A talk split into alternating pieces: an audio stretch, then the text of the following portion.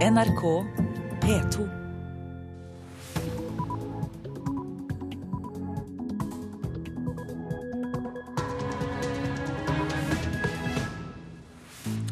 God morgen, dette er P2s Nyhetsmorgen onsdag 23. oktober. Nå klokka 6.30 er dette våre saker. Flere arbeidsledige og lavere økonomisk vekst, det er Navs spådom for neste år. Miljøstiftelsen Bellona er glad for at Tromsø lanseres som mottakersted for Syrias kjemiske våpen. Det er en håndterbar oppgave, sier Bellona-leder Nils Bøhmer. Eh, man ønsker å ha et område som er relativt ubebodd, og hvor man kan opprette en sikkerhetssone på kanskje opp mot en kilometer eller mer.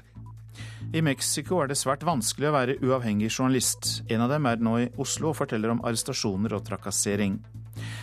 Kvinnelandslaget i håndball skal gjøre noe uvanlig i dag. De må spille kvalifiseringskamp for å komme til EM. Det har de ikke gjort på mange år. Her i studio, Øystein Heggen. Flere arbeidsledige og lavere økonomisk vekst neste år. Det er spådommen til Nav i en analyse som legges fram i dag.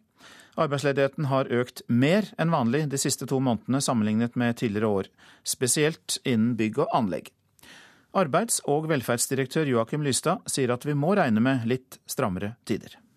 Ja, Det vi har sett er at uh, veksten i uh, innenlandsk uh, konsum og i bygg og anlegg er noe lavere enn det vi har regnet med tidligere i år. Vi ser også at den kraftige veksten vi har hatt i oljenæringen ikke er fullt så kraftig som vi hadde regnet med. Så er det også slik at internasjonalt så er det noe lysere enn det vi regnet med tidligere i år, men ikke så mye at det kompenserer for den innenlandske effekten. Og det betyr at tallet på de som er helt ledige kommer til å øke, sier Lystad. Ja, i Andelsmessig så vil den holde seg nokså konstant. Vi regner med et gjennomsnittlig antall ledige i år på ca. 70 000. Så tror vi det vil stige i 2014 og 2015 til 75 000. For så å gå noe ned igjen. Altså at på slutten av 15 tror vi det er en nedadgående trend. Nei, ok. Men den ser litt Julian Berntsen i gullsmedbutikken Tune på Majorstua i Oslo har fortsatt nok av kunder. 295 kroner. Men gullsmedene merker dårlige tider mer enn mange andre. I hvert fall i vår fremtidsscenario så ser vi vel for oss at folk flest kommer til å være litt mer forsiktige med pengene sine. Jeg tror ikke at de får så mye mindre penger, men at de er mye mer forsiktige med å rett og slett bruke de fortere, da. Ja, dette er helt i tråd med det Virke har vært ute og sagt. Vi har ropt varsko om at det er tøffe tider for norsk næringsliv. Det sier administrerende direktør Vibeke Hammer Madsen i hovedorganisasjonen Virke, som representerer store deler av norsk næringsliv. Og Det betyr også at virksomhetene vil være veldig forsiktige med å ansette i den usikre situasjonen vi er i nå. Næringslivet har gjort mye for å omstille seg allerede. Nå må regjeringen følge opp, sier Hammer-Madsen, og krever mindre byråkrati, mer vei. Og det siste er en modernisering av arbeidsmiljøloven. Her etterspør bedriftene muligheten for å tilsette midlertidig. Og det vil jo gjøre at de som står utenfor arbeidslivet, har mulighet til å komme inn også i denne vanskelige tiden. Og så må vi gjøre noe med arbeidstid, sånn at bedriftene har muligheter for større fleksibilitet. Reportere her, det var Halvard Norum og Hans Jørgen Solli. Det har vakt sterke reaksjoner i Statoil at selskapet vurderer å slå sammen de to kontorene for råoljehandel i Europa. Konserntillitsvalgt Bjørn Asle Teige mener det er svært viktig for norsk sokkel å ha oljetrader i Stavanger, skriver Stavanger Aftenblad. Det nye kontoret havner enten i London eller i Stavanger, opplyste informasjonssjef Morten Eek i Statoil til avisen i går. Ansatte i oljeselskapet har imidlertid fått inntrykk av at prosessen peker mot at London blir valgt framfor Stavanger. Og de ansatte frykter da at viktig kompetanse vil forsvinne fra Norge. Miljøstiftelsen Bellona er, der er de glade for at Tromsø-ordfører Jens Johan Hjort har lansert kommunen som mottakssted for kjemiske våpen fra Syria. FN, USA og Russland ber Norge om å destruere kjemiske våpen fra det krigsherjede landet. Jeg hadde håpet at flere kommuner var åpne for å diskutere dette, sier daglig leder i Bellona, Nils Bøhmer. I utgangspunktet så syns jeg dette er en, en positiv innstilling, en, en, en åpenhet eh, til å gå inn i en dialog. I går ble det kjent at ordfører Jens Johan Hjort mener Tromsø kan ta imot kjemiske våpen fra Syria, dersom det blir avgjort at disse skal destrueres i Norge. Tromsø må ta sin del av ansvaret for globale utfordringer. Vi kan ikke si at eh, det finnes kjemiske våpen og det må gjøres noe med dem, men vi vil ikke ha noe med det å gjøre. Vi må si eh, ja, vi tar imot dem, men vi vil uh, ta vår del av ansvaret hvis det kan gjøres på en sikker måte, eh, slik at verken befolkningen eller naturen vil lide skade. Det er flere krav til en eventuell plassering av slike destrueringsanlegg, sier Nils Bøhmer i Bellona. For det første så trenger man et uh, kaianlegg, og så trenger man tilgang på mye vann. Man trenger et uh, lite befolket område, så man kan plassere dette lageret og destruksjonsanlegget. Uh, man ønsker å ha et område som er relativt ubebodd, og hvor man kan opprette en sikkerhetssone på kanskje opp mot en kilometer eller mer. Så, så det krever at man har uh, de områdene tilgjengelig for, før man går inn på en diskusjon om man skal plassere et anlegg, slikt anlegg i Tromsø f.eks. Men han er glad for at ordføreren i Tromsø er positiv. Ja, jeg hadde håpet at det var flere kommuner kommuner som var i utgangspunktet positive for å kunne være vertskap for slik, et slikt anlegg. Og Byrådet i Tromsø opplyser at dersom det er flertall for dette i kommunestyret, så vil byrådet utrede saken videre. Reporter Stine Hommedal. Nå til Mexico. For der er situasjonen for uavhengige journalister svært krevende. Nå er en av dem i Oslo for å fortelle om arbeidsforholdene i landet. ¡Arriba la lucha del magisterio! ¡Nombre otra vez, Urrutia qué! ¡Vamos Urrutia Nava Gonzalo! ¡Vamos Urrutia Nava Gonzalo! De roper navnet sitt til fotografen idet de blir arrestert under en demonstrasjon i Mexico City. Fotografen blir så pågrepet av meksikansk politi. Dette er virkeligheten for flere uavhengige journalister i Mexico. En av disse er Nestor Abel Jimenez Diaz, som nå er i Oslo for å fortelle om situasjonen.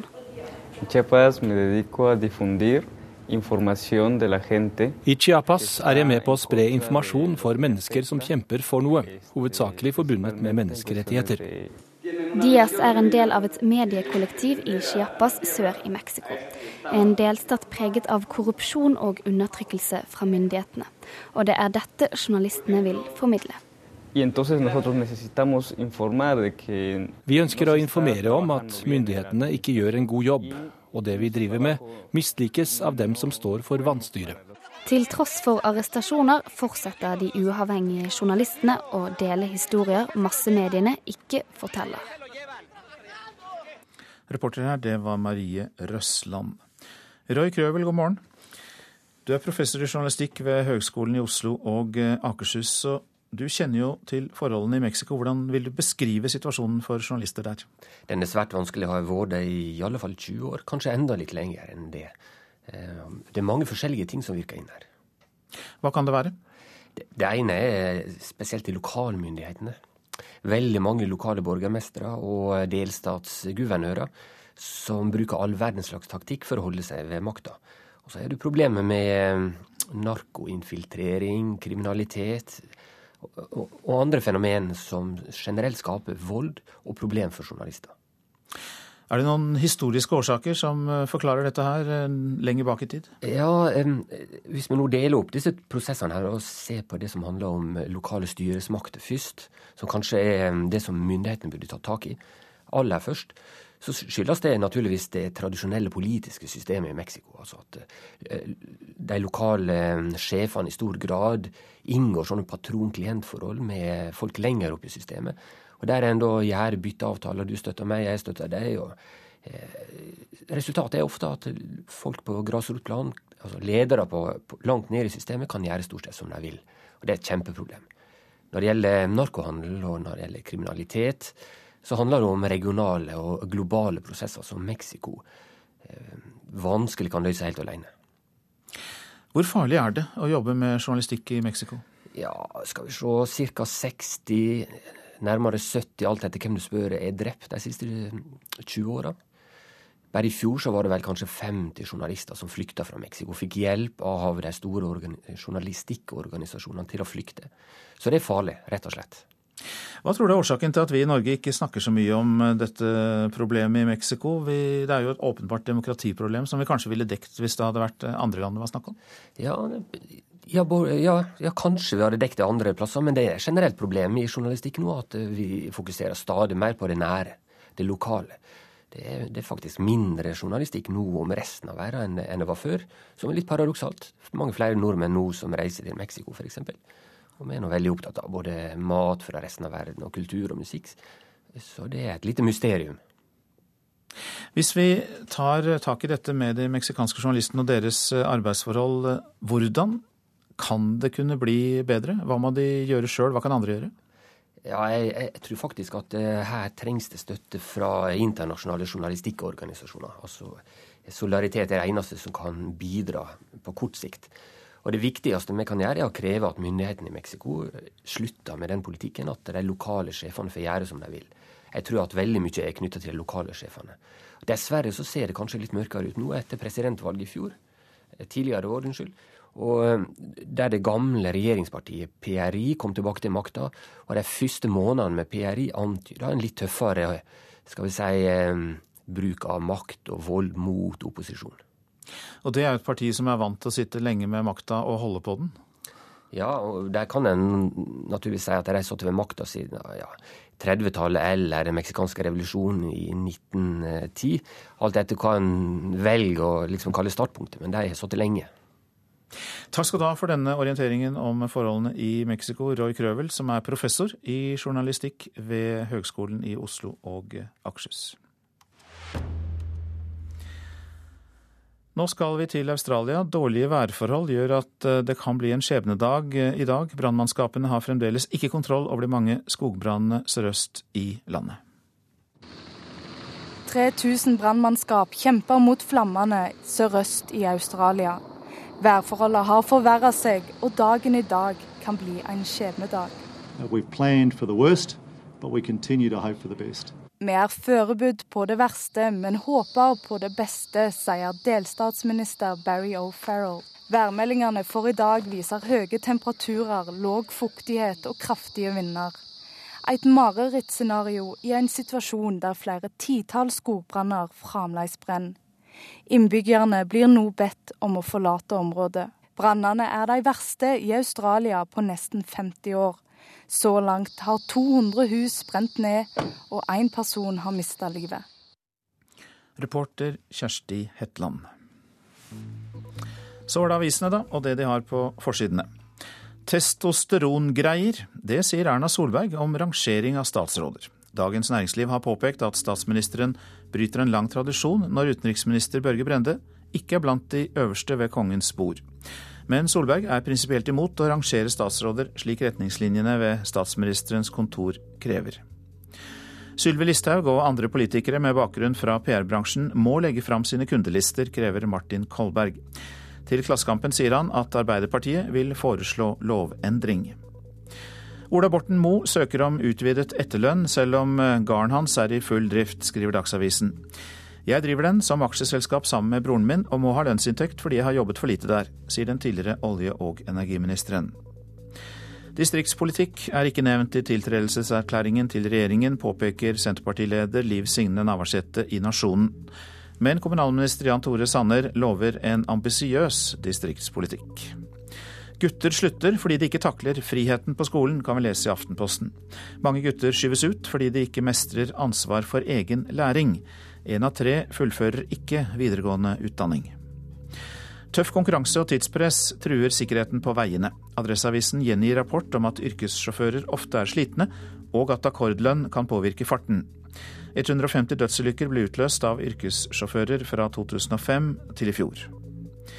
Vi krigsveteraner er blitt feilinformert i mange år, sier Arild Lihaug til Bergens Tidende. Først 26 år etter at han kom hjem fra FN-tjeneste, fikk den psykisk uføre Lihaug vite at han hadde lovfestet rett til uførepensjon. Vårt Land skriver at konfliktrådet ønsker flere møter mellom ofre og gjerningsmenn, men ofrene må aldri oppleve press for å møte gjerningsmannen, sier professor i etikk Paul Ler Salvesen, som er ekspert på forsoning.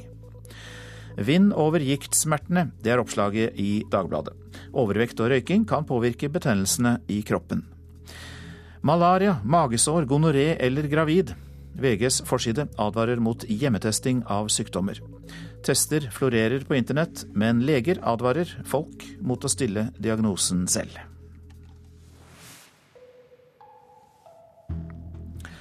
Håndball nå. Når Norge i kveld møter Romania til EM-kvalifisering, er det for første gang på mange år at det norske kvinnelandslaget ikke er direkte kvalifisert. Ja, det er uvant. Det sier veteran Karoline Dyhre Breivang, som ikke har spilt en kvalifiseringskamp på over ti år.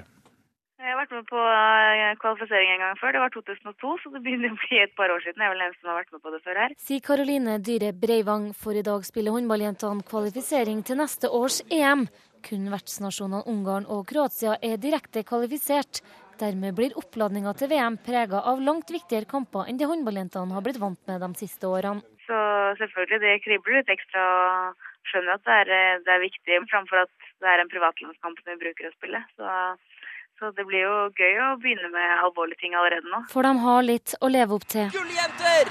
Gratulerer, Torir Hergersson! Gratulerer alle på det norske laget! Det er elleville jubelscener når Norge tar sin 20. medalje i det 25. mesterskapet.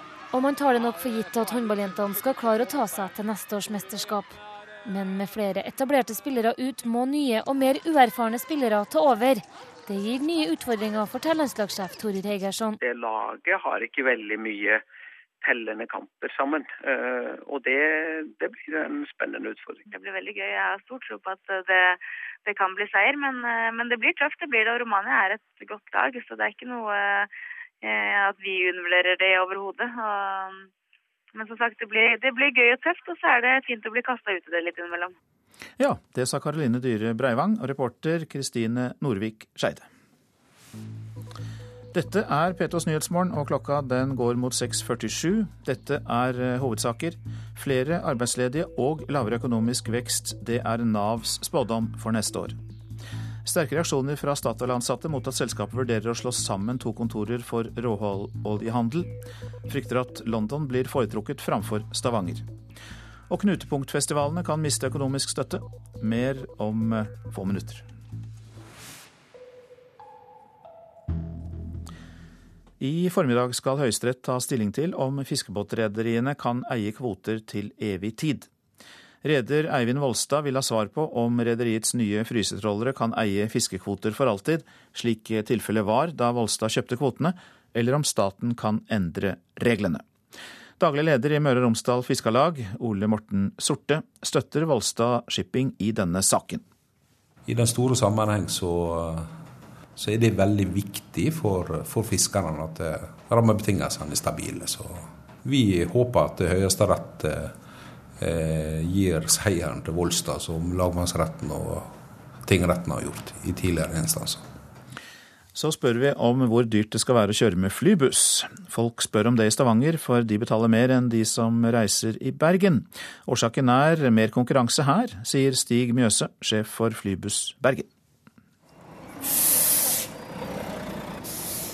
Vi så at prisen var for høy og servicenivået var for lavt. Det var et behov for at folk skulle komme seg raskere til og fra flyplassen. Jeg tar flybussen når jeg trenger å ta den. nå, er, nå er jeg en fremmed by og har ikke så mye valg. Passasjer Bård Dale er nok representativ for mange av de som reiser med flybussen.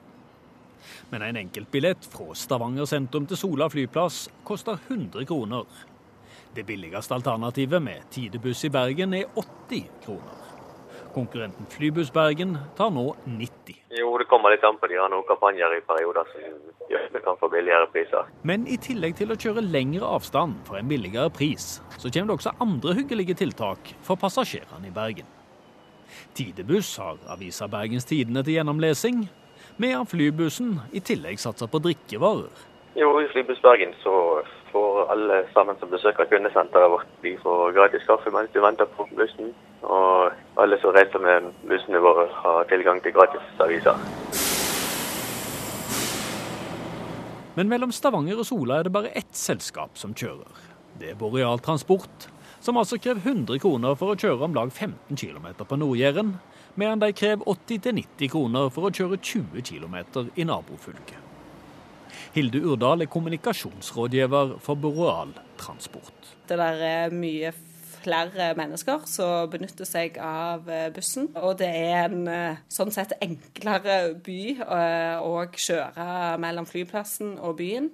Altså er det en vanskeligere sak å frakte passasjerer fra Stavanger til Sola enn hva det er fra Bergen til Flesland? Altså? Det er vel ikke akkurat vanskeligere, men, men tallene viser jo at det er færre som benytter seg av det. Og hvorfor det er det, det er jo for så vidt et godt spørsmål. Kan det ha noe med prisen å gjøre, kanskje? Jeg tviler veldig sterkt på at det er forskjell på 10 eller 20 kroner. Og Hvis det hadde blitt konkurranse her, hva tror du hadde skjedd med prisene da? Det er jo vanskelig å spå, men hvis det er konkurranse, og sånn som det er i Bergen, så er det jo klart at eh, hvis den ene går ned, så er det jo vanskelig for den andre å ha en høyere pris.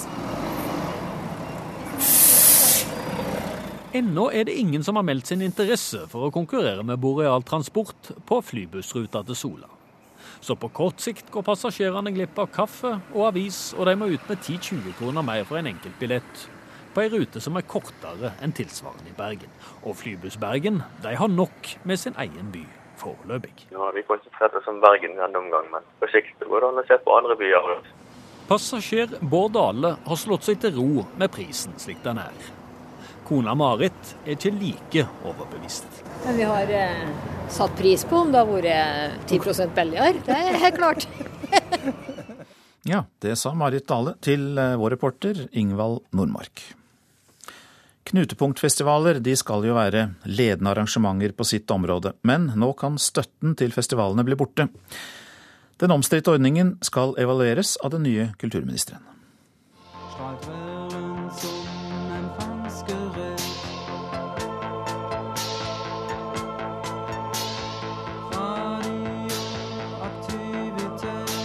de tyske elektronikalegendene i Kraftverk på Øyafestivalen. En av tolv knutepunktfestivaler i landet. Knutepunktstatusen skal gå til de største innen sitt felt, og skal etter det nylig framlagte statsbudsjettet få 81 millioner kroner tildelt neste år. Men nå vil nyslått kulturminister Toril Vidvei se nærere på ordninga. Så vil vi se på hele knutepunktordningen. Og det som er viktig å understreke, det er jo at eh, en forutsetning er at disse knutepunktene har en kompetanseoverførende funksjon overfor andre festivaler i, i, samme felt. Alle partier som før valget var i opposisjon, har tatt til orde for å evaluere ordninga. Og med Høyre i kulturministerstolen er gjennomgangen nå på vei. Knutepunktstatus, når noen har fått det, så mottar de eh, statlig støtte. Og det er klart at det blir jo da en veldig stor Eh, forskjell i forhold til de som da ikke har det. Den meninga deler bookingansvarlig Thomas Moen for festivalen Målrock i Årdal. Jeg syns det er rett urettferdig egentlig at, at eh, enkelte skal få, skal få så mye, og, og andre skal få så lite. En av de mange som ikke har fått knutepunktstatus, og derfor må klare seg med minimalt av offentlige midler. Vi sitter jo ikke igjen med noe som, som, privatpersoner, og alt er jo på dugnad. og det er, jo, eh, det er jo eh, flere hundre folk i dugnad. Knutepunktpengene skal brukes til å hjelpe de mindre festivalene i området opp og fram, men har fått kritikk fra en mengd festivalarrangører for å gjøre store festivaler større og utkonkurrere de mindre i stedet. PR-sjef for Øyafestivalen, Jonas Prangerød, kjenner seg ikke att i kritikken. Nei, vi, vi har fått øh, satt i gang øh, ganske mye. Vi har ganske mange konkrete resultater og eksempler på øh, både artister og andre festivalarrangører, andre bransjeaktører i Norge som, som både er fornøyd med måten vi har gjort det på, og som har fått da veldig konkrete uh, resultater av det. Han håper på en videreføring av ideen bak knutepunktordninga, og at ikke pengene forsvinner etter evalueringa. Jeg håper altså at, at også den nye regjeringa ser verdien av å bruke noen midler på uh, etablerte arrangører som har nettopp det nettverket og de rammene som skal til for, for å uh, sette i gang prosjekter som kan komme liksom, en hel bransje til, eh, til, gode. Det er jo at det da eventuelt man vil se på i forhold til den kritikken som kommer, og eventuelt den evalueringen som ligger der.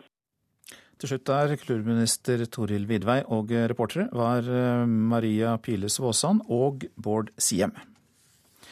Ingen storbyer i Norden har så få bibliotek per innbygger som Oslo og Bergen.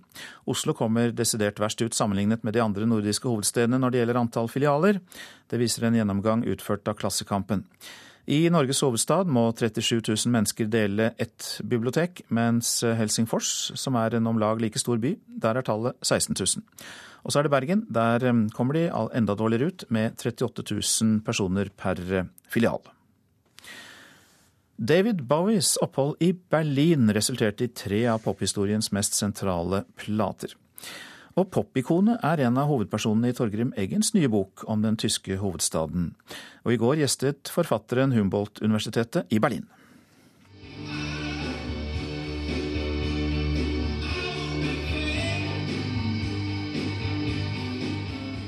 David Bowies opphold i Berlin på 1970-tallet var en stjernestund i byens nyere musikkhistorie. Og albumet 'Heroes', som ble laget i Berlin, regnes som en av rockens klassikere.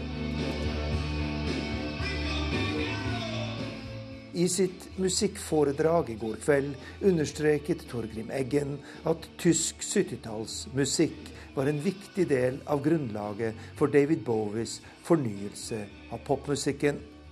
Og forfatteren gir gjerne det britiske musikkikonet noe av æren for sin kjærlighet til Berlin. Det, jeg, tror, jeg, tror, det var en del av det som, som fikk meg til å lenges til, til Berlin. Altså at uh, det oppsto en sånn form for, for romantikk rundt det.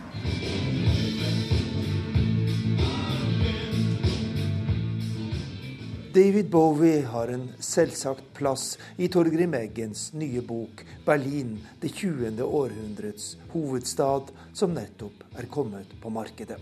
Men den viktigste delen av boken er en ytterst velskrevet gjennomgang av Berlins dramatiske, nyere historie.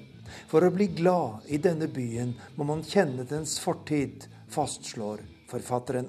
Jeg tror at Berlin er, er, er en by som, som, krever ganske mye av deg. Sånn, eh, sånn rent lese- og orienteringsmessig.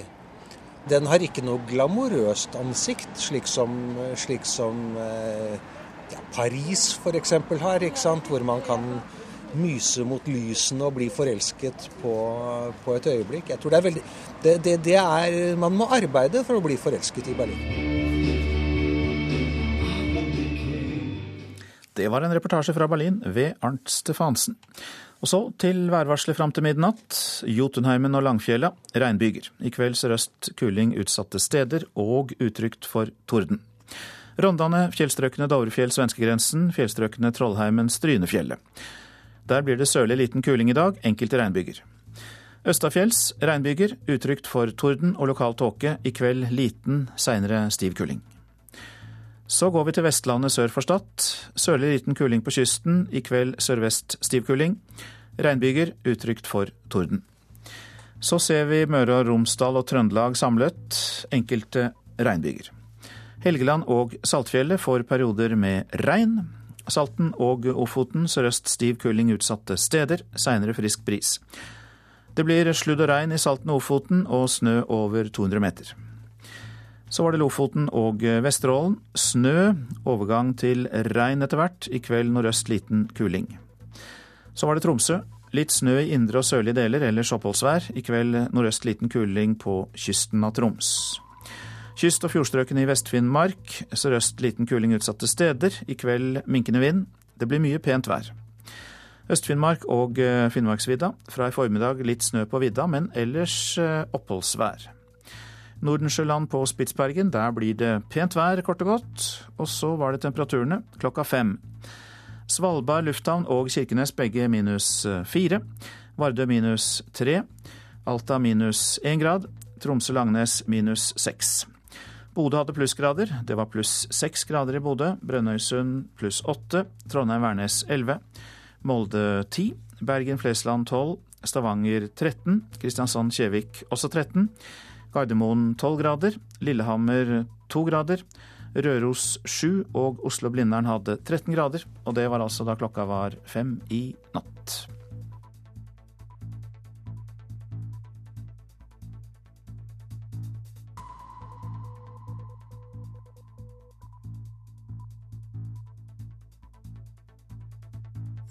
NRK P2.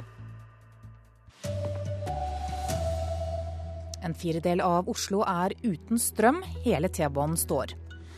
I Australia frykter brannvesenet at de enorme skogbrannene kan ta flere liv. Her er NRK Dagsnytt, klokka er sju. Store deler av Oslo er rammet av strømbrudd i øyeblikket. Bruddet oppsto ved halv sju-tiden og rammet en firedel av Oslos abonnenter øst og sør i byen. Mange er nå i ferd med å få strømmen tilbake, men folk som skal ta T-banen til jobb, skole og barnehager i dag, må forberede seg på store forsinkelser pga. strømbruddet. Det er full stans i T-banenettet i hovedstaden nå. Dårlige værforhold gjør at dette kan bli en skjebnedag i Australia.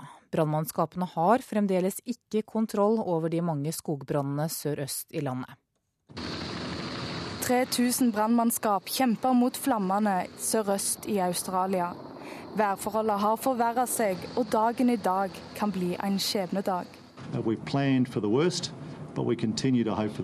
Vi er forberedt på det verste, men håper på det beste, sier delstatsminister Barry O'Farrell. Værmeldingene for i dag viser høye temperaturer, låg fuktighet og kraftige vinder.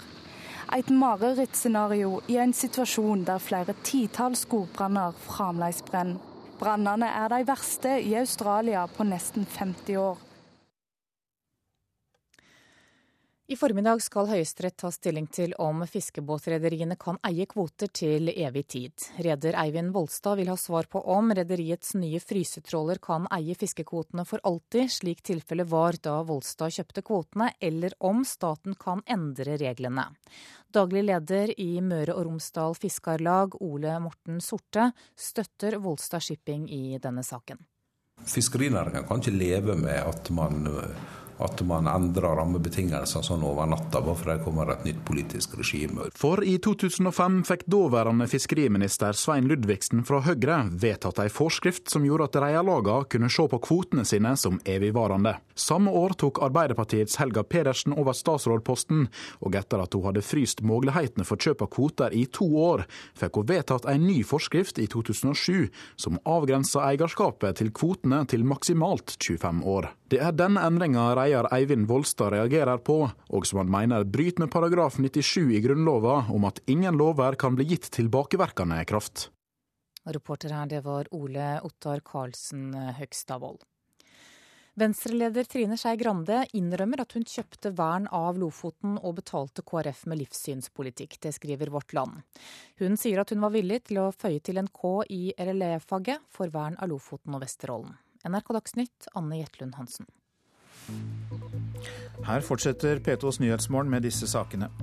Mine døtre sier de er villige til å dø. Det sier faren til de norsk-somaliske jentene som er reist til Syria. Faren mener hans døtre er blitt hjernevasket. Nav spår høyere arbeidsledighet neste år. I Tyskland starter forhandlinger om en storkoalisjon i dag.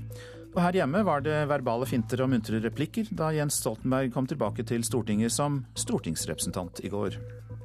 Eh, president, jeg eh, mener å huske at jeg også hadde godt humør da jeg var statsminister. Jeg, eh, jeg erindre at jeg lo flere ganger.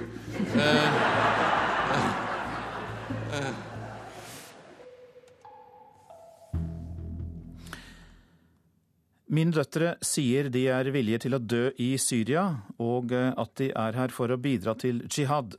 Det sier den fortvilte faren til eh, to norsk-somaliske døtre. NRK fikk kontakt med faren seint i går kveld. Da var han i en tyrkisk grenseby. Eh, akkurat nå jeg befinner meg i et hotell i Hatay. Eh, grensebyen eh, rundt 50 km fra grensen til, eh, mellom Tyrkia og Syria. Faren forteller at han har fått signaler om at døtrene er i samme by, og at de ennå ikke har kommet seg inn i Syria. Han har hatt telefonkontakt med den eldste datteren, forteller han. Ja, etter jeg ringte til eldste døtteren min, hun tok telefonen og prøvde å overtale henne at hun har gjort feil, men det gikk ikke. Og hun stopper meg hele tiden og sier bare, 'pappa, bare glem'. Det er for seint, sier hun. De to døtrene på 16 og 19 år dro fra Norge til Syria i slutten av forrige uke. Før de dro, sendte de faren en e-post der de forklarte at de hadde dratt. Jeg ble sjokkert. Som hver enkelt far eller foreldre som, som, som hører at ungene sine dro til et, et urolig sted. Jeg ble sjokkert. Faren mener de to døtrene er blitt hjernevasket av noen i Norge. Men hun ble gjenvasket av noen som jeg vet ikke, begge to. Vet du mer om hvem det var? Nei. Telefonkontakten med den eldste datteren har vært nedslående for faren. Eh, både i, i, posten og samtalen med henne. Hun forteller at hun dro til uh, Syria for å delta i jihad der, og for å eh, kanskje mulig dø der. Villig til å dø. Sa hun det til deg? Ja, det hun sa til meg. Reporter eh, Tormod Strand. Opp mot 100 kvinner har reist fra Europa til Syria for å delta i borgerkrigen der, ifølge terrorforsker Thomas Hegghammer. Han sier kvinnene ikke lenger er med som passive ektefeller, men eh, er tydelig på at de vil være med i kampen.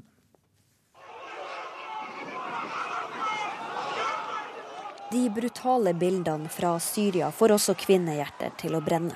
Etter at opprøret mot Bashar al-Assad brøt ut og ble til en borgerkrig, har mellom 600 til 700 europeiske muslimer, såkalte fremmedkrigere, reist til Syria.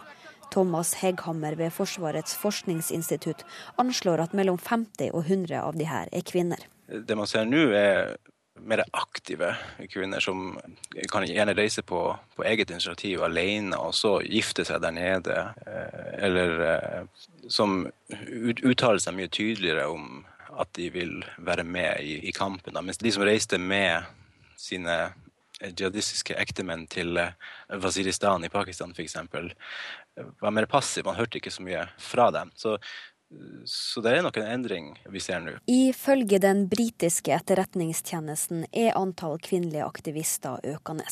En talsperson for den tyske sikkerhetstjenesten BVF sier til NRK at de vet om ti tyske kvinner som har reist med sine ektemenn til Syria. Hva de gjør der, er uvisst. Nå er det sånn at De aller fleste kvinner som reiser ned, ikke har kampfunksjoner. De har eh, støttefunksjoner. Det vil si at de kanskje hjelpe til med eh, transport eller eh, matlaging og andre typer ting som skjer på en måte bak i, i leiren, og ikke fremme ved fronten. Sikkerhetstjenesten i flere land er bekymra for at fremmedkrigerne skal bli radikaliserte mens de er i Syria. En talsperson for BVF i Tyskland sier de også deler bekymringa.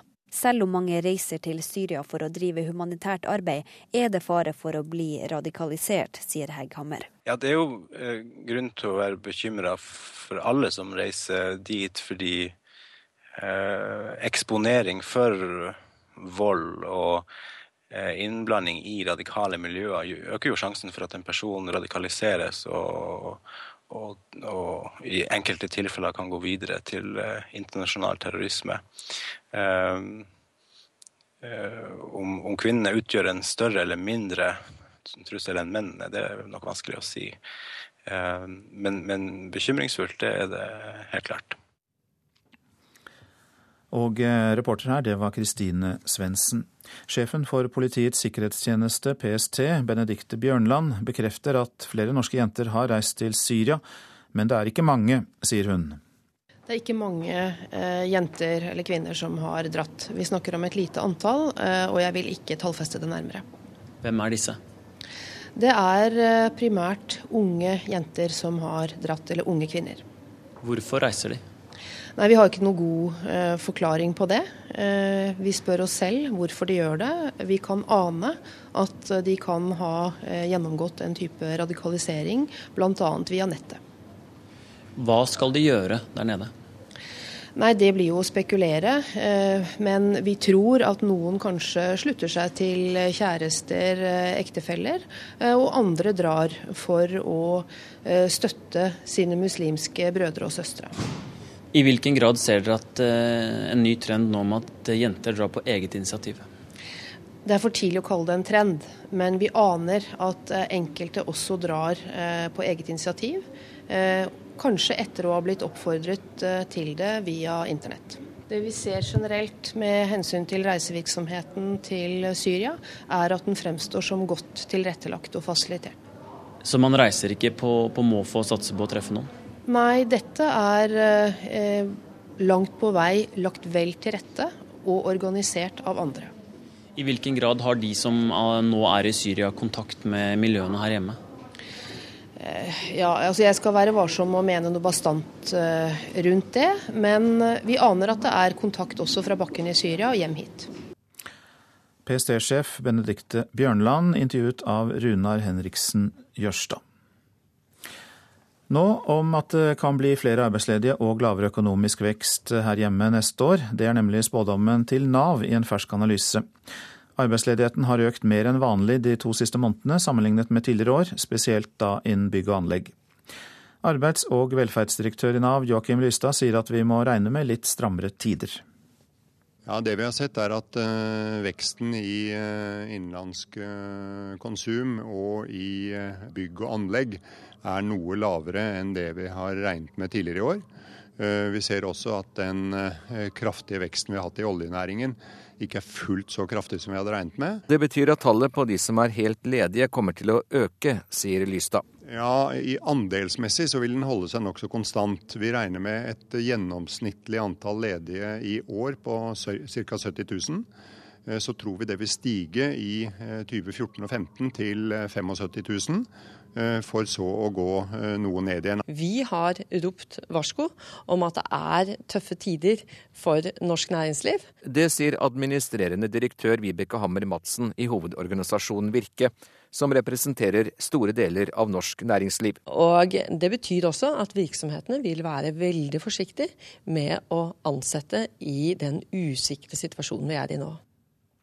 Reportere her det var Halvard Norum og Hans Jørgen Solli. Sjefanalytiker i Nordea, Erik Bruse. Ja, hva er din vurdering av anslagene til Nav? Jeg er helt enig i at eh, det ser ut som arbeidsledigheten i Norge kommer til å øke. og Kanskje er eh, Nav litt forsiktig her. Det er egentlig ikke noe dramatisk økning. Det er eh, nærmest uendret. Så, så jeg har ikke problemer med å se for meg at det kan gå enda verre, og at vi kan få enda høyere økning i ledigheten. Og um, hva er årsakene? Det ble jo nevnt her altså at uh, oljevirksomheten ikke vokser så raskt som tidligere, og at uh, konsum ikke vokser, vokser så mye, og det er bygg og anlegg er det problemer i. Er det de tingene primært? Ja, det er, det er, nok det. Særlig boligbygging har vært en, eh, en, viktig drivkraft i norsk økonomi de siste årene. Nå er boligbygging på vei nedover. Boligmarkedet har stoppet opp, boligprisene faller. Og så er det, det også for industrien sånn at uh, leveranser til oljenæringen, altså kapitalutstyr der, der, der ser det ikke ut til å vokse like mye. Og resten av norsk industri har et konkurranseevneproblem med altfor høye kostnader. Og så er det slik at uh, dette er utsikter fram uh, mot neste år og gjennom neste år. Men hvordan er det på litt lengre sikt etter uh, 2014? Nei, det, det, kommer jo litt an på hva som skjer med, med internasjonal økonomi. og nå, nå, ser det ut som det går bedre internasjonalt. Det, det kan nok hjelpe deler av, av norsk næringsliv. Men, men, vi kommer nok til å slite med at vi har et høyt kostnadsnivå i, i norsk næringsliv. som gjør at den dagen oljeleverandørindustrien ikke har like gode utsikter, så, så, det, så, så vil vi slite. Så jeg får inntrykk av deg at eh, Nav i hvert fall ikke overdriver. Det kan kanskje bli enda litt eh, større ledighet enn det de spår?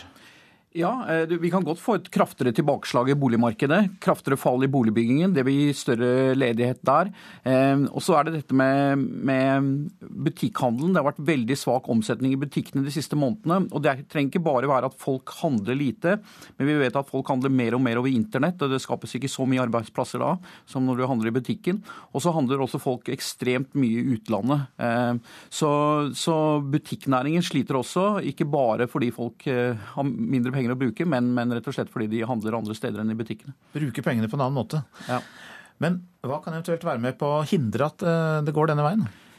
Nå har vi jo en regjering som har eh, planer om å bruke penger på mange områder. og Mange av disse områdene vil kreve eh, innsats og arbeidskraft. altså Sånn som bygging av vei kan, kan være noe som kompenserer for den svake utviklingen i resten av bygg og anlegg.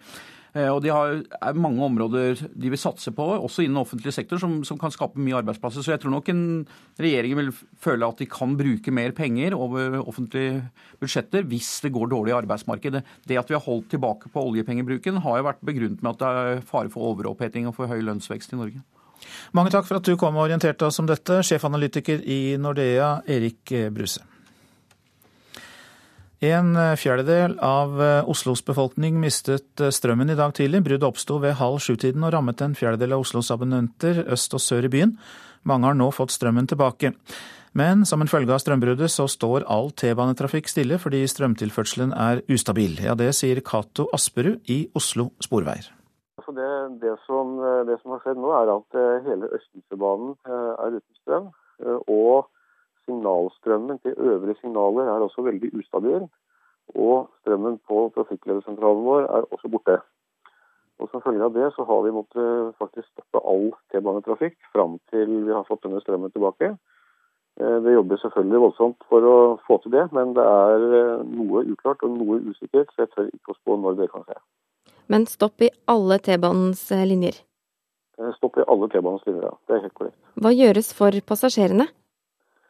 Du, eh, Det viktigste for oss nå er jo selvfølgelig å, å få denne strømmen tilbake. Og, og, det er altså strømmen inn til, inn til nettet vårt eh, som, som, er borte, fra Hafslund. Sånn at eh, nå er jo alle mannskaper ute for å, for å, søke å finne feil og, og få dette opp og stå igjen. Det er litt komplisert, og vi klarer ikke å få til noe erstatningstilbud med buss bare sånn på rappen. så her henstiller vi da selvfølgelig til å kunne ta andre transportmidler fram til strømmen er tilbake.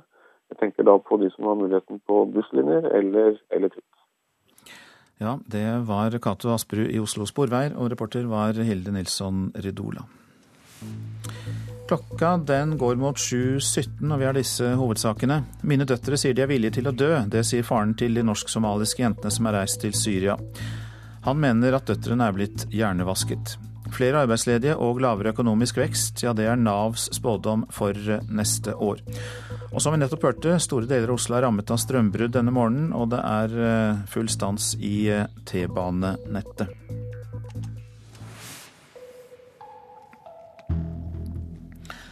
Så skal vi en tur innom Stortinget, for der koste høyresiden seg i går. De kunne nemlig ønske tidligere statsminister Jens Stoltenberg velkommen tilbake som stortingsrepresentant. Men den nylig avgåtte statsministeren svarte med samme mynt. Det hele startet da Høyres parlamentariske leder Trond Helleland åpnet debatten. President, Først er det en glede å få ønske Jens Stoltenberg tilbake i Stortinget som stortingsrepresentant. Velkommen hit. President, eh, Først vil jeg gjerne takke for lykkeønskningene og at jeg ønskes velkommen til Stortinget. Det er som jeg har sagt ved enkelte anledninger fjerde gang jeg går fra regjering til storting. Det er eh, hyggelig hver gang. Det er alltid begynnelsen på noe nytt og spennende i politikken. Og Min erfaring er både at det er spennende og viktig å være i Stortinget, og at uh, man etter noen år er tilbake i regjering. Så jeg ser fram til både å være her uh, og komme tilbake i regjering. Begge deler er uh, bra. Harald Tom Nesvik er neste replikant. Takk for det, president. Og jeg også vil ønske Stoltenberg velkommen tilbake til Stortinget. Jeg må innrømme at gleden er større når han kommer denne veien enn han går andre veien. Jens Stoltenberg.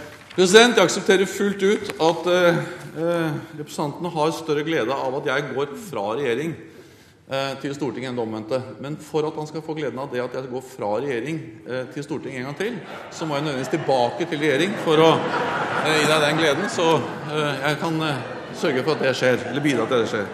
Neste replikant er Trine Skei Grande.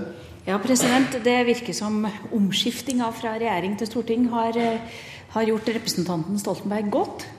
Ehm, med god energi og trykk og humor har man plutselig gått inn i salen i en helt ny rolle, og det syns jeg er positivt. Jens Stoltenberg. Eh, president, jeg eh, mener å huske at jeg også hadde godt humør da jeg var statsminister. Jeg, eh, jeg erindrer at jeg lo flere ganger. og jeg var i hvert fall tidvis engasjert. Eh, men jeg har også fortsatt ønsker å være det også i opposisjon, selvfølgelig. Ja, disse klippene de var satt sammen av Håvard Grønli. Og fra storting til Bundestag. I Tyskland starter nemlig forhandlingene om en samlingsregjering etter valget i forrige måned. Det er valgets vinner, Kristeligdemokratene, som skal forhandle med landets nest største parti, Sosialdemokratene. Og eh, de skal forhandle om en såkalt storkoalisjon. Men det er stor uenighet mellom partiene. En måned er gått siden jubelen sto i taket i Kristeligdemokratenes hovedkvarter her i Berlin etter tidenes valgseier.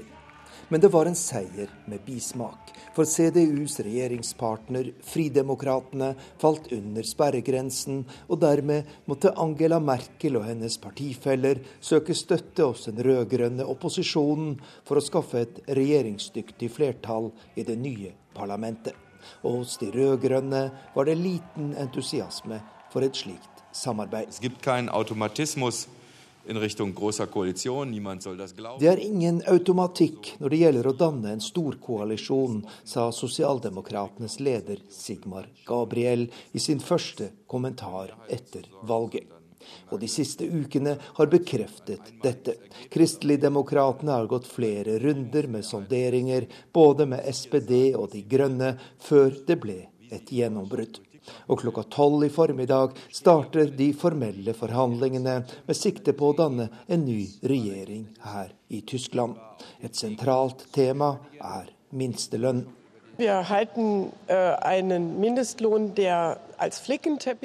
For oss er det ikke akseptabelt å overlate spørsmålet om minstelønn til de enkelte delstater eller til tariffpartnerne, sier SPDs generalsekretær Andrea Nales. Vi krever en lovfestet minstelønn for alle arbeidstakere i Tyskland på 8,5 euro rundt 70 norske kroner per time. Alt annet er verdiløst, sier hun. Og mye tyder på at sosialdemokratene får gjennom et slikt krav.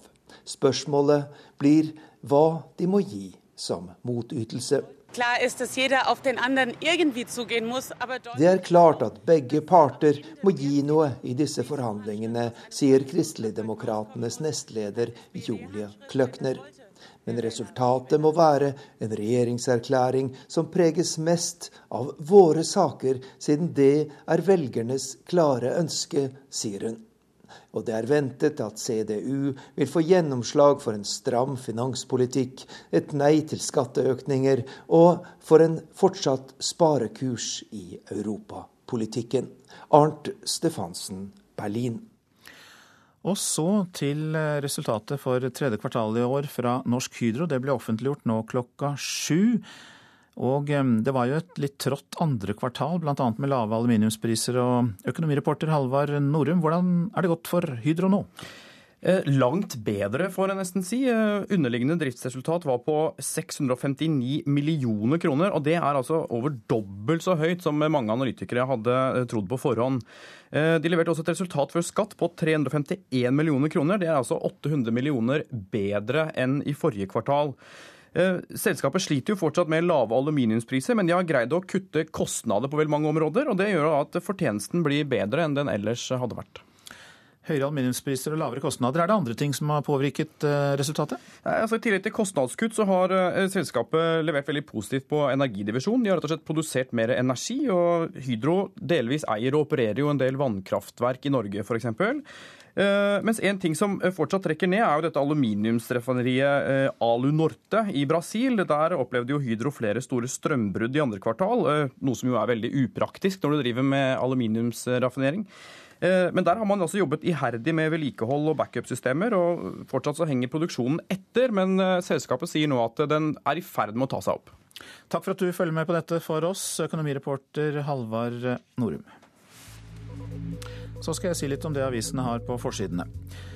Testosterongreier, ja det sier Erna Solberg om rangering av statsråder. Dagens Næringsliv har nemlig påpekt at statsministeren bryter en lang tradisjon når utenriksminister Børge Brende ikke er blant de øverste ved kongens bord. Men Solberg er prinsipielt imot å rangere statsråder slik retningslinjene ved statsministerens kontor krever. Sylvi Listhaug og andre politikere med bakgrunn fra PR-bransjen må legge fram sine kundelister. Det krever Martin Kolberg. Til Klassekampen sier han at Arbeiderpartiet vil foreslå lovendring. Ola Borten Moe søker om utvidet etterlønn, selv om gården hans er i full drift, skriver Dagsavisen. Jeg driver den som aksjeselskap sammen med broren min, og må ha lønnsinntekt fordi jeg har jobbet for lite der, sier den tidligere olje- og energiministeren. Distriktspolitikk er ikke nevnt i tiltredelseserklæringen til regjeringen, påpeker Senterpartileder Liv Signe Navarsete i Nasjonen. Men kommunalminister Jan Tore Sanner fra Høyre lover en ambisiøs distriktspolitikk. Gutter slutter fordi de ikke takler friheten på skolen. Det kan vi lese i Aftenposten. Mange gutter skyves ut fordi de ikke mestrer ansvar for egen læring. Én av tre fullfører ikke videregående utdanning. Tøff konkurranse og tidspress truer sikkerheten på veiene. Adresseavisen gjengir rapport om at yrkessjåfører ofte er slitne, og at akkordlønn kan påvirke farten.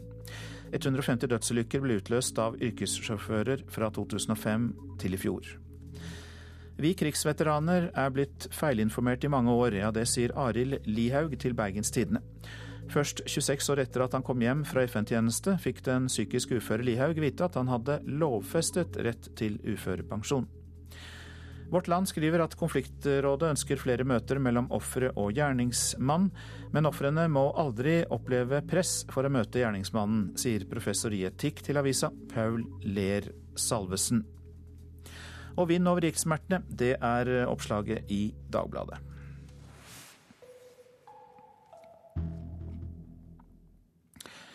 Hjulene kan falle av etter et dekkskift. Minst 20 biler mister et hjul eh, hver gang vi driver med disse hektiske hjulskiftukene, viser statistikken. Og enda flere er det som kjører rundt med løse hjulbolter. Ja, det, dette får vi vite av Norges Automobilforbund.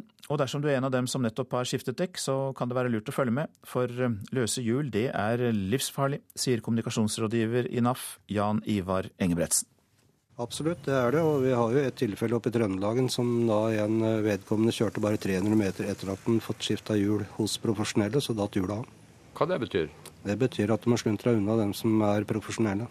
Betyr det at det er mange dekkfirmaer og, og skiftere, profesjonelle, som rett og slett ikke gjør jobben? Ja, de gjør den ikke riktig, så det er et lite spark tilbake igjen her sånn til bransjen. Tallene er rett og slett skumle. 20 bilførere mister hjulet i de to mest hektiske hjulskiftukene, forteller Engebretsen i NAF. Og rundt 60 andre kjører rundt med løse hjulbolter. Tikkende bilbombe på veien. Men det er nok ikke bare enkelte autoriserte dekkskiftverksted som slurver. Kanskje er det ikke så artig å fortelle om egne feil. Men Kristian Jacobsen i Bodø er en modig mann. Han har ei historie om sin egen svigersønn. Eh, hjulet datt av og gikk opp i felgen. Hæ? Ja, du hører hva jeg sier. Hjulet datt av og ja. gikk opp i felgen. Forhjulet. Ja. Jaha. Det som skjedde da, det var jo at vi måtte jo jekke opp bilen for å få ut hjulet. Men felgen var ødelagt. Så det var ikke det at han hadde gjort en, en dekkskiftfeil sjøl? Kanskje. Du, du, du, må jo si det når ikke du drar til mutter'n, ja. så gjør du en dekkfeil sjøl. Ja. Gikk det bra? Ja, det gikk bra. Det gikk helt fint. Så det å skifte dekk, det, det, det er like viktig å ta den etterkontrollen. Det er de erfaringene og svigersønnen din sin erfaring. At det er viktig, ja. Jeg tror det der du sier kommer til å skremme opp en del av våre lyttere. Ja, det kan godt hende. Den burde tenke på det. Ja, tenke på det bør vi absolutt gjøre, særlig hvis vi skal kjøre gjennom områder med ulik temperatur, advarer Gøran Sætre hos Dekkmann i Bodø. Nei, du vet, Temperaturen ikke sant, går jo med stål og legeringer, så det forandrer seg etter temperaturen. ikke sant? Det krømper jo, det vokser jo. ikke sant? Det er jo, det er jo millimeter vi snakker om, ikke sant? men det er nok at det kan løsne. Har du mange historier eller hørt om tilfeller hvor, hvor hjulet kan rett og slett trille av? Ja, vi har vært borti mange biler som har mista hjulene på. At, at, ikke de For det som skjer ikke sant, når det kommer en stor bil hit, ikke sant, og så bytter de gjerne sjåfør. Ja. I mellomtida, han som kjør, var her og gjorde det, eller var andre plasser og gjorde det, ikke sant, han glemmer å gi beskjed at de må teite over hjulene. Så kjører de bare, ikke sant, og så plutselig så løsner det. Og klart et lastebilhjul på 100 kg, så løsner i 80 km i timen. Ja, det er dødsmaskin. Etter kontroll en dag eller to etter hjulskift, altså. Og da er det smart å bruke hva da, Jan Ivar Engebretsen i NAF? Kjøp en billig momentnøkkel på en billig bilrekvisittabutikk til 200-300 kroner, og så følger du instruksjonsboka, så har du gjort ditt. En, en, en hva for noe, sa du? Momentnøkkel. En momentnøkkel, hva er det for noe? Nei, Det viser hvor hard kraft du tiltrekker hjulbolten med. Men Hva tror du om det er, når jeg bruker fjellskoene og så trør jeg til på den der? Ja, Når eh, du hører det der knirket på, mellom bolten og, bolten og felgen, så er det skriket fra felgen at du dratt det for hardt.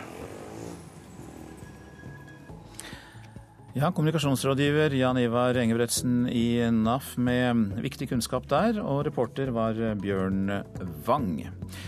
Reservasjonsrett for leger og fiskekvoter, det er tema for Politisk kvarter kvart på åtte.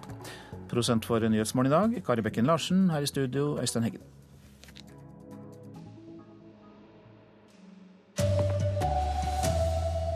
De to savnede tenåringsjentene fra Akershus er villige til å dø i Syria, forteller faren. Store deler av Oslo mistet strømmen i morges, og det fører til store forsinkelser i morgenrushet. I dag avgjør Høyesterett om fiskekvoter kan eies for evig og alltid. Her er NRK Dagsnytt, klokka er 7.30. Døtrene mine sier de er villige til å ofre livet i Syria. Det sier den fortvilte faren til to norsk-somaliske søstre som rømte hjemmefra i forrige uke for å delta i borgerkrigen i Syria. NRK fikk kontakt med faren sent i går kveld. Da var han i en tyrkisk grenseby for å lete etter dem. Eh, akkurat nå jeg befinner meg i et hotell i Hatay grensebyen eh, rundt 50 km fra grensen til, eh, mellom Tyrkia og Syria. Faren forteller at han har fått signaler om at døtrene er i samme by, og at de ennå ikke har kommet seg inn i Syria. Han har hatt telefonkontakt med den eldste datteren, forteller han. Ja, etter jeg ringte eh, til eldste datteren min, hun tok telefonen og prøvde å overtale henne at hun har gjort feil, men det gikk ikke. Og hun stopper meg hele tiden og sier bare, eh, 'pappa, bare glem'. Det er for seint, sier hun. De to døtrene på 16 og 19 år dro fra Norge til Syria i slutten av forrige uke. Før de dro, sendte de faren en e-post der de forklarte at de hadde dratt. Jeg ble sjokkert, som eh, hver enkelt eh, far eller foreldre som som, som hører at uh, ungene sine dro til et, et urolig sted. Jeg ble sjokkert. Faren mener de to døtrene er blitt hjernevasket av noen i Norge. Men hun ble hjernevasket av eh, noen som jeg vet ikke, begge to. Vet du mer om hvem det var? Nei. Telefonkontakten med den eldste datteren har vært nedslående for faren. Eh, posten og samtalen med henne. Hun forteller at hun dro til uh, Syria for å delta i jihad der, og for å eh, kanskje mulig dø der. Villig til å dø. Sa hun det til deg? Ja, det hun sa til meg. Reporter var Tormod Strand. Opp mot 100 kvinner har reist fra Europa til Syria for å delta i borgerkrigen der. Det sier terrorforsker Thomas Hegghammer ved Forsvarets forskningsinstitutt. Han sier at kvinnene ikke lenger bare er passive ektefeller. De brutale bildene fra Syria får også kvinnehjerter til å brenne. Borgerkrigen har fått mellom 600 til 700 europeiske muslimer, såkalte fremmedkrigere, til å reise til Syria. Det man ser nå er mer aktive kvinner som kan gjerne reise på, på eget initiativ alene, og så gifte seg der nede. Som uttaler seg mye tydeligere om at de vil være med i, i kampen. Mens de som reiste med sine jihadistiske ektemenn til Waziristan i Pakistan f.eks., var mer passiv. Man hørte ikke så mye fra dem. Så, så det er nok en endring vi ser nå. Ifølge den britiske etterretningstjenesten er antall kvinnelige aktivister økende. En talsperson for den tyske sikkerhetstjenesten BVF sier til NRK at de vet om ti tyske kvinner som har reist med sine ektemenn til Syria. Hva de gjør der er uvisst, sier Hegghammer. De er med først og fremst i en slags støttefunksjon. Til eh, ofte sine ektemenn som er eh, ute og, og slåss. Sikkerhetstjenesten i flere land er bekymra for at fremmedkrigerne skal bli radikaliserte mens de er i Syria. Selv om mange reiser for å drive humanitært arbeid, er det grunn til bekymring, sier Hegghammer. Om, om kvinnene utgjør en større eller mindre trussel enn mennene, det er nok vanskelig å si. Eh, men, men, bekymringsfullt, det er det helt klart. Sjefen for Politiets sikkerhetstjeneste, Benedikte Bjørnland, bekrefter at unge norske kvinner nå drar til Syria. Men de er ikke mange, sier hun, og mer vil hun ikke si om det. Vi spør oss selv hvorfor de gjør det.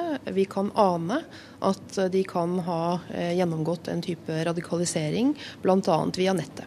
Vi tror at noen kanskje slutter seg til kjærester, eh, ektefeller, eh, og andre drar for å støtte sine muslimske brødre og søstre. Reportere her det var Kristine Svendsen og Hans Jørgen Solli.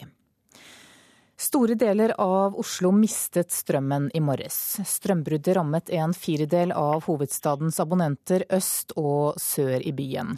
Og T-banene sto også helt stille pga. strømstansen. Informasjonssjef Morten Skau i Hafslund, hvordan er det mulig at så mange mister strømmen på en gang? Ja, Det skyldes at det var en transmator transformator eh, hos Statnett som falt ut. Som igjen medførte da at 48 528 kunder hos Hafslund mister strømmen.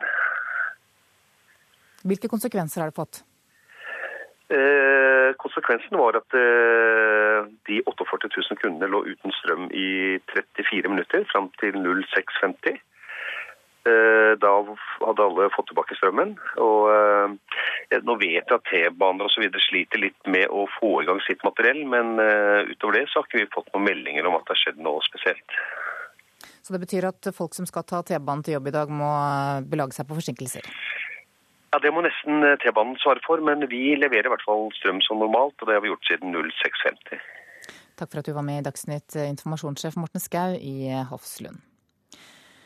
I formiddag skal Høyesterett ta stilling til om fiskebåtrederiene kan eie kvoter til evig tid. Reder Eivind Volstad vil ha svar på om rederiets nye frysetråler kan eie fiskekvoter for alltid, slik tilfellet var da Volstad kjøpte kvotene, eller om staten kan endre reglene. Daglig leder i Møre og Romsdal Fiskarlag, Ole Morten Sorte, støtter Volstad Shipping i denne saken.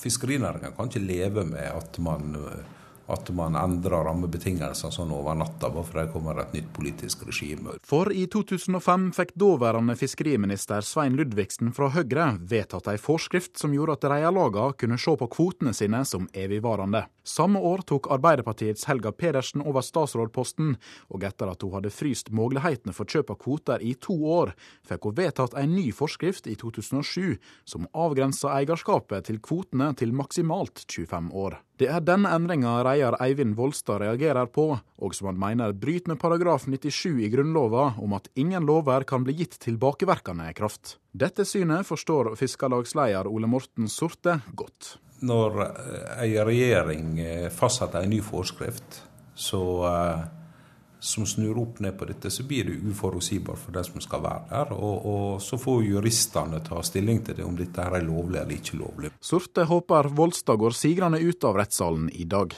I den store sammenheng så, så er det veldig viktig for, for fiskerne at eh, rammebetingelsene er stabile. Så vi håper at Høyesterett eh, gir seieren til Volstad, som lagmannsretten og tingretten har gjort i tidligere instanser. Det blir mer om denne saken i Politisk kvarter, kvart på åtte i P2. Og reporter her, det var Ole Ottar Karlsen Høgstadvold. Venstreleder Trine Skei Grande innrømmer at hun kjøpte vern av Lofoten og betalte KrF med livssynspolitikk. Det skriver Vårt Land. Hun sier at hun var villig til å føye til en K i RLE-faget for vern av Lofoten og Vesterålen. De fire borgerlige partiene har blitt enige om å endre livssynsfaget RLE til KRLE, og at faget skal inneholde minst 55% kristendom. Så skal vi ha sport her i Dagsnytt. Kommer anlegg og infrastruktur til å bli klart til OL i Sotsji? Det er flere bekymret for. Men delegasjonen fra Olympiatoppen som er i OL-byen nå, er positive og tror at russerne blir ferdige til tross for oppstartsproblemer og forsinkelser masse trailere og lastebiler og folk overalt med spader og bosser. Og her går det unna eh, døgnet rundt. Det sier Knut Nystad. Sammen med en delegasjon fra Olympiatoppen er sjefsmøreren til langrennslandslaget i Sotsji. En OL-by prega av hektisk byggeaktivitet. Det er imponerende byggverk. og bare massen av byggverk som de har laga. Det er rett og slett imponerende. Men det er mer enn byggene som imponerer Nystad. Jeg må si Første gang jeg kom hit, så hadde jeg aldri trodd at de rettene blir ferdig, men nå ser det jaggu ut som de, de er ferdige, og at det skal bli et, et bildefint eh, OL. Men det koster. Russerne regner med en prislapp på svimlende 300 milliarder norske kroner for lekene. Det dyreste OL noensinne. Og med slike beløp har en vel lov til å forvente at alt skal stå klart til lekene i februar neste år. Det ser ut til at de klarer å, å berge seg i land, så det er en fantastisk arbeid som er gjort. Reporter her, det var Kristine Norvik Skeide. Ansvarlig for denne sendingen det var Bjørn Christian Jacobsen, teknisk ansvarlig Hanne Lunås og her i studio Anne Jetlund Hansen. Ja, du lytter til Petos eh, Nyhetsmorgen. I Moskva i går så startet rettssaken mot stjernedanseren fra Bolsjoj-teatret som bestilte et syreangrep mot ballettsjefen Sergej Filin. Offeret, som fortsatt gjennomgår øyeoperasjoner i Berlin for å redde synet, sier til NRK at han er glad for å kunne se igjen. Конечно, хочу сказать, что это огромное счастье.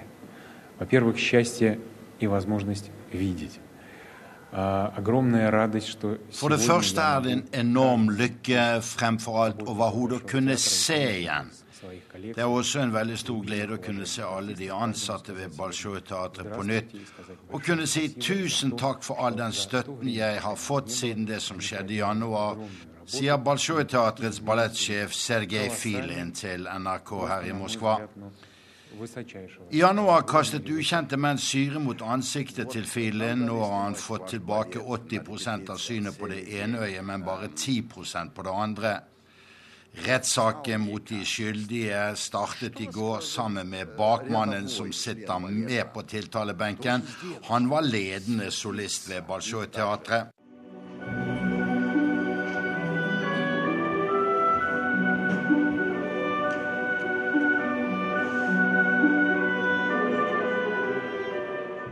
Bakmannen heter Pavel Dmitritsjenko og var kjent for sin fremførelse av stjernerollen i Peter Tsjajkovskijs ballett 'Svanesjøen'. Balsjoj-stjernens motiv for å bestille syreangrepet var en hevn, fordi ballettsjefen ikke hadde forfremmet hans kjæreste til prima ballerina. Som den onde trollmannen i Svanesjøen bestilte Pavel Dmitritsjenko årets mest omtalte forbrytelse her i Russland. Nå sitter han på tiltalebenken sammen med gjerningsmannen Juri Zarutskij, som er arbeidsløs, og tjener slik til det daglige brød. Også Andrej Lipatov, som kjørte bilen for gjerningsmannen i denne bestillingsforbrytelsen, er tiltatt, og alle har tilstått faktum. Streng straff venter dem alle tre. Til tross for sitt påførte handikap, som ballettsjefen fortsatt sliter med, vil Sergej Filin reise til Tromsø sammen med Balsjoj-balletten i februar. Syreangrepet på Balsjoj-teatrets ballettsjef skapte en enorm skandale, og en annen storstjerne på teatret fikk sparken fordi forrige ledelse ved Balsjoj mente han intrigerte frem det livsfarlige arbeidsmiljøet. Når dramaet i kulissene ble mye sterkere enn det som vises på Russlands hovedscene, fikk dette Balsjoj-teatrets nye toppsjef Vladimir Orin til å si dette til NRK om ryktet til hans teater i kjølvannet på attentatet, som gjerningsmennene nå altså stilles til ansvar for. Jeg mener jo at dette var en svært alvorlig hendelse som uvilkårlig rokket ved ryktet til teatret. Helt uvilkårlig, gjentar generaldirektør Orin ved Balsjoj-teatret til NRK. Ikke minst høstens turné i London har imidlertid overbevist generaldirektør Oren om at Bolsjoj-teatrets status er gjenopprettet også utenlands. Абсолютно очевидно, что сдержанная английская публика, во-первых, оказывала замечательный прием – det ble jeg vitne til da vi nylig hadde gjestespill i London. Det var helt åpenbart at det tilbakeholdne engelske publikum tok imot oss på en fantastisk måte, konstaterer general Orin ved Balsjoj-teatret. I februar gjester Balsjoj Tromsø og Nordlysfestivalen. Billettene til balletten ble utsolgt på syv minutter, sier festivalsjefen til NRK. Dermed er det bare å avvente fru Justitias dom over gjerningsmennene mot ballettsjefen, for publikumsdom over Balsjoj-balletten er storveies. Det sa Moskva-korrespondent Hans-Wilhelm Steinfeld. Dette er hovedsakene i P2s Nyhetsmorgen. De to savnede tenåringsjentene fra Akershus er villige til å dø i Syria. Det forteller faren. Flere arbeidsledige og lavere økonomisk vekst, det er Navs spådom for neste år. Og store deler av Oslo mistet strømmen i morges. Det fører til store forsinkelser i morgenrushet. Strømtilførselen til T-banen er ustabil. Og nå er det straks Politisk kvarter, og der skal vi høre mer om den dommen som kommer i Høyesterett i dag. Alf Hartken. Det skal vi, for eh, kan konsekvensen av dette bli privatisering av fiskeriressursene til evig tid, eller handler det rett og slett om å gi fiskeriene mulighet til å møte fremtiden? Og er henvisning til abort et samvittighetsspørsmål bare for fastlegene, eller er det det samme for stortingsrepresentantene?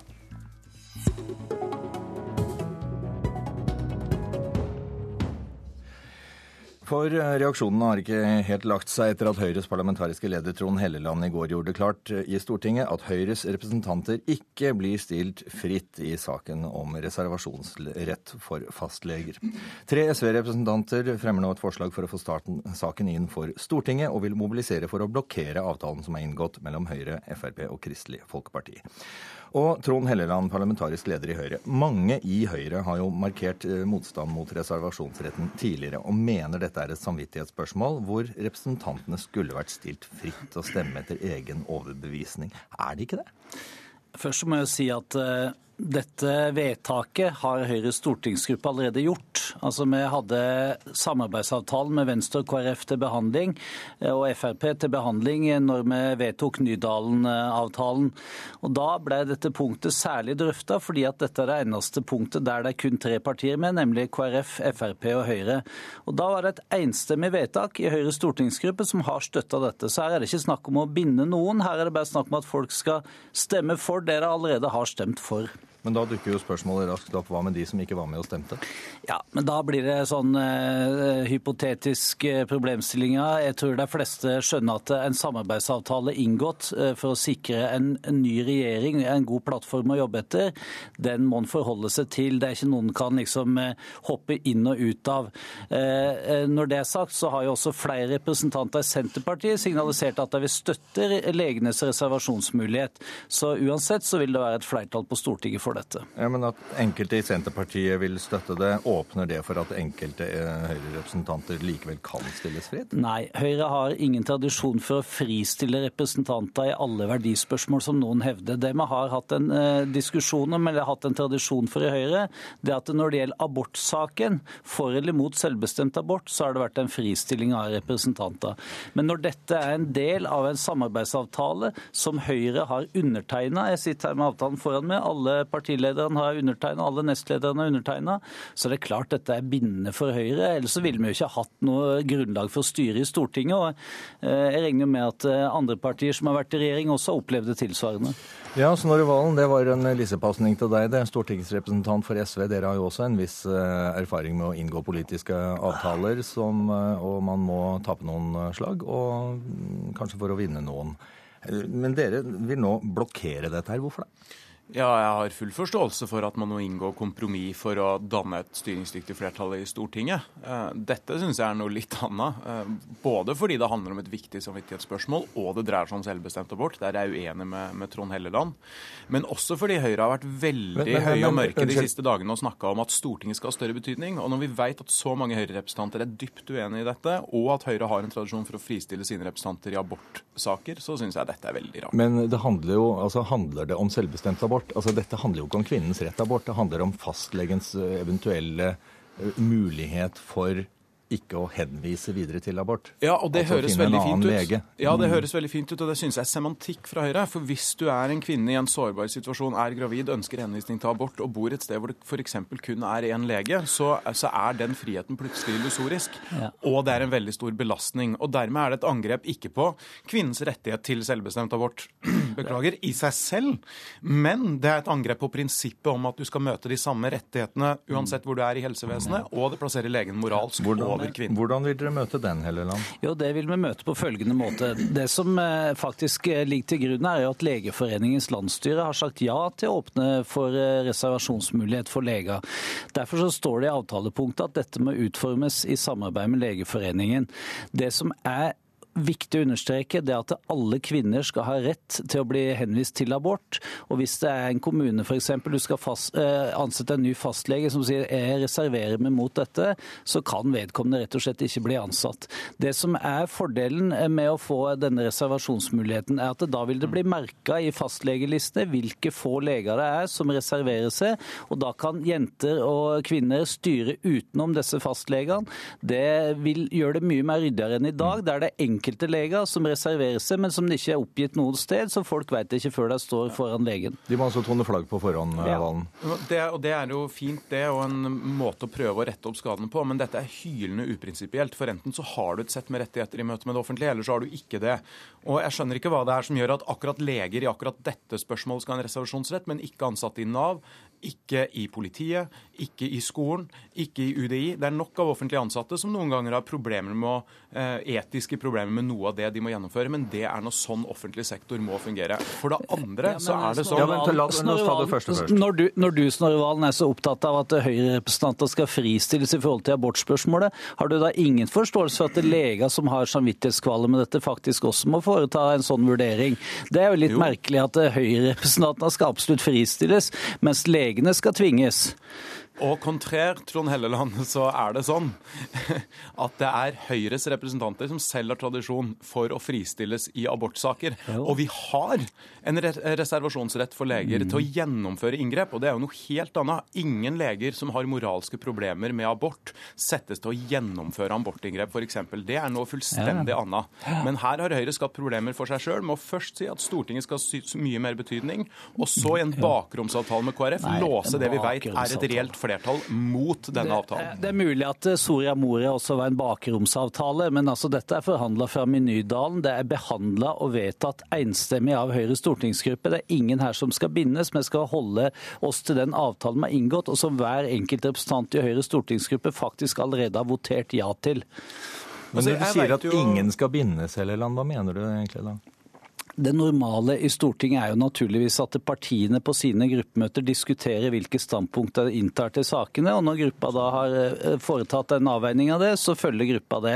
Sånn er det i SV. Jeg regner med at SV også da har fristilt alle sine, at Arbeiderpartiet vil gjøre det. Så er det den type politisk utvikling Snorre Valen mener som et mer åpent storting, så tror jeg han tar litt feil. fordi Hovedpoenget må jo være at partiene inntar posisjoner og forhandler ut fra det. Ja, og i selvbestemt abort har vi tradisjon for noe annet i Stortinget, og det vet Helleland godt. vi fristilte f.eks. Otto Hauglin på 70-tallet. Dette er ikke snakk om selvbestemt abort. Her er det snakk om reservasjonsmulighet Jo da, det er flertallet flertall på Stortinget. Reservasjonsmulighet for leger av samvittighetsgrunner. Alle kvinner, alle jenter som er i en situasjon der de ønsker henvisning til abort, skal få det tilbudet. Valen, helt til slutt, hva, hva, hva tror du du oppnår med dette forslaget? Altså, dette er vår mulighet til å stoppe dette forslaget. For Høyre og Helleland kan si så mye de vil at dette ikke handler om selvbestemt abort. Men de mange hundre så. kvinner som har sendt e-post til Høyre, er ikke enig. Så dere skal nå mobilisere i Stortinget for å stoppe dette? Selvfølgelig skal vi det. Så får vi se om dere lykkes. Takk skal du ha, Trond Helleland, og takk til uh, Snorre Valen. Vi skal, uh, vi skal uh, videre til den høyesterettsdommen som faller i dag. Som vi hørte i nyhetene, så reiser det en spørsmål om fiskekvoter skal være fiskernes eiendom for evig tid? Eller kan det bety at fellesskapets ressurser går på børs eh, for all framtid? I dag eh, kommer altså denne dommen. Den såkalte Volstad-saken handler om et skipsrederi som skal få eie, eh, om et skipsrederi skal få eie fiskekvotene sine uten begrensning, eller om dagens ordning med tidsbegrensning er i strid med Grunnlovens paragraf om at lover ikke kan gis tilbakevirkende kraft. Så langt en kraftig forenkling av jussen i dette, dette, her, for det er langt mer komplisert enn en som så. Men Ingrid Heggø, du er fiskeripolitisk talskvinne i Arbeiderpartiet, nyutnevnt. Ja. Velkommen til Politisk kvarter. Takk skal du ha. Det var altså deres fiskeriminister Helga Pedersen som fikk omgjort den tidligere ordningen og tidsbegrenset disse, disse kvotene. Hva blir konsekvensene dersom Høyesterett da slutter seg til to tidligere rettsinstanser og, og holder fast i at de, dette er i, i strid med Grunnloven? Jeg blir jo overraska hvis utfallet av, uh, av, dommen blir det som du sier nå, da. Uh, for det er jo en skritt i retning privatisering. Uh, og vi mener jo det at fisken i havet det tilhører fellesskapet. Ja, men altså, Det tilhører fellesskapet, men det må du utdype litt. Hvorfor, da, hvorfor, står det i strid med at fiskerne faktisk får tildelt disse kvotene? Eh, de eier jo sånn sett ikke fisken, de eier en rett til å utnytte en ressurs. Det ser man jo i mange andre saker. Men det blir det samme som med oljen. Hvis de som hadde investert mest, skulle ha retten til å utvinne olja, så hadde ikke det vært folket sin eiendom, sånn som vi ser i dag. Så Derfor er dette et farlig skritt å gå. Og det viser jo òg hvor farlig det er å liberalisere fiskeripolitikken. For eh, det er veldig vanskelig å reversere. Eh, det blir som eh, majonesen kommer ut av tuba, så er den veldig vanskelig å få inn igjen. Frank Bakke-Jensen, fiskeripolitisk talsmann for Høyre. Hvorfor er det så, så, viktig at disse fiskekvotene skal være evigvarende, hvis det faktisk medfører en, en slags evig privatisering av felles ressurser? Ja, det, det, er jo det som er den store misforståelsen som, eh, som eh, denne debatten baserer seg på. Det, eh, fiskekvote er altså, som tidligere sagt, retten til å fiske. Det er ikke sånn at du da eier et visst volum fisk i havet. Og for Høyre har eh, det med tids, tida du får lov å ha mm. den retten, eh, betydning i forhold til forutsigbarhet for folk som skal drive rederi, som skal bygge opp en bedrift, som skal kunne utvikle seg. Det, eh, du skal over tid du, du, eh, du, bruker finanser på å tilegne deg, kjøpe deg rettigheter, så betaler du dem ned. Så bruker du eh, penger på å bygge deg en ny, mer moderne båt for å få en mer moderne arbeidsplass, som, sånn at du kan sikre rekruttering og få gode folk til yrket. For, Men er, er, det ikke 25 år en, en, rimelig ramme å forholde seg til? Ja, nei, altså hvis du, hvis du da eh, Vi snakker jo om ganske mye Eh, penger her. Og, og, det er sånn at Hvis du da har brukt de ti første årene på å finansiere rettighetene, så har du 15 år igjen. og Det er veldig kort tid i forhold til det med å finansiere et, et nytt, moderne fartøy, som du kanskje er avhengig av for å, for å, få, for å rekruttere det mannskapet du vil. Her er jo en næring som er i, i eh, skarp konkurranse med oljenæringa, offshorenæringa og andre uh, godt betalte jobber. Da må vi gi dem så gode rammevilkår som mulig. Hegge, handler dette her først og fremst om å gi fiskeriene muskler til å, til å møte framtida, rett og slett? Nei, altså når det gjelder det med forutsigbarhet. Jeg har jobbet 20 år i bank, og, og 20-25 år på en investering, det er god tid på å, å områ seg. Hvis ikke, ikke, hvis det er fem år igjen av tidshorisonten, hvem vil, hvem vil eh, investere da? Eh, bankene godtar jo det der i og med at det er en omfordeling igjen etter fem år. Dette tilbake til Eh, og, og bli omfordelt. Slik at eh, det er jo ikke riktig det som blir sagt her, at du må evigvarende for å kunne områ deg. Og det er jo den eneste næringen som skal evigvarende, da i tilfelle. For alt har jo i varighet. En båt har jo i varighet òg, og du må investere nytt. Mm. Og det vet en jo. Og en vet jo òg at forutsigbarheten er grei nok, slik som den er i dag. Nei, men det er, jo, det er, jo, helt feil. Det er jo ikke sånn at eh, det, at det er tidsbegrensning. Hvis du får ei, ei oppdrettskvote, så er det ikke noe tidsbegrensning på hvor lenge du er den. Hvis du eh, kjøper deg en butikk og skal drive som skohandler, så får du altså lov å gjøre det i generasjonsperspektiv, forutsatt at folk vil ha sko. Sånn at det her er, det her er helt feil. Jo, men det, er, det er mange sammenligninger ute og går her, og så kan man diskutere hvilke som er relevante. Men det som har vært trukket fram, faktisk, det er jo sammenligningen med oljeressursene. Vil, noen har jo da gått så langt som til å si at det ville være det samme som å gi alle fremtidige oljeressurser man skulle finne i Nordsjøen, til, eh, til et par oljeselskaper fordi de var flinke i starten. Ja, nei, men det er jo, det er jo med, med feil. Altså, det er jo sånn at Fellesskapet allerede i dag eh, styrer hvor mange fiskekvoter som skal være der. De, fellesskapet styrer hvor stor fiskekvoten kan være. Bare i, år, bare i år sier fellesskapet at her er den store, her er den store slumpen, fordel dem. Men vi leverer ut 20 nye rekrutteringskvoter. Sånn at, eh, er de også evigvarende? Ja, de er evigvarende. Hva da når man skal begynne å begrense dette? Nei, altså det, så er det, jo det, det, det, er jo litt komplisert, som vi sa i starten. og det her er snakk om Grunnkvoter er evigvarende, mens struktur, strukturkvoter, altså den tilleggskvota du kan tilegne deg, er, er, skal det være tidsbegrensning på. Men fellesskapet har alle muligheter både til å sette hvor stor kvota skal være, fellesskapet har mulighetene til å tilføre nye kvoter i alle fiskeriene, og det skjer hele tida. Sånn at, at det her er å gi bort fellesskapets ressurser, det er det som er den store Blir dette symbolpolitikk, da, hvis man skal tro på Høyre, Hegge? Ja, en, en, prøver jo å gjøre det litt mer komplisert enn hva det er. For det handler faktisk om hvem eier olja, hvem eier fisken i havet. Eh, og det er de overordna prinsippene her som vi må se på. Og, og, det som er virkelig farlig i dag, er jo det at vi har et stortingsflertall som faktisk eh, vil privat, eller gi evigvarende kvoter uansett. Og til det helt til slutt, eh, Bakke-Jensen. Hvis da Høyesterett eh, fastholder at dette må være tidsbegrenset Dere vil likevel la dem være evigvarende.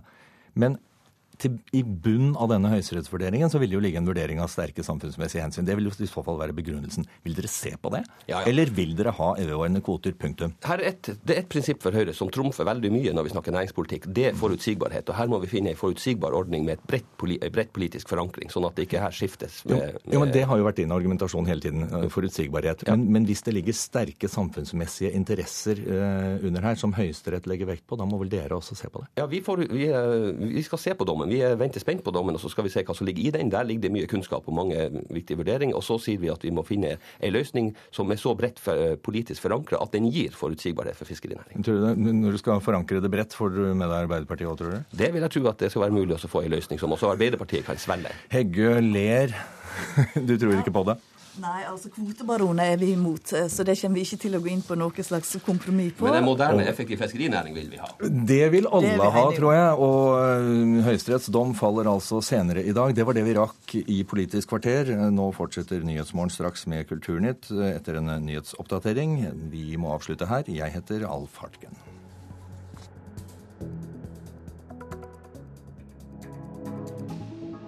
Hør flere podkaster på nrk.no podkast.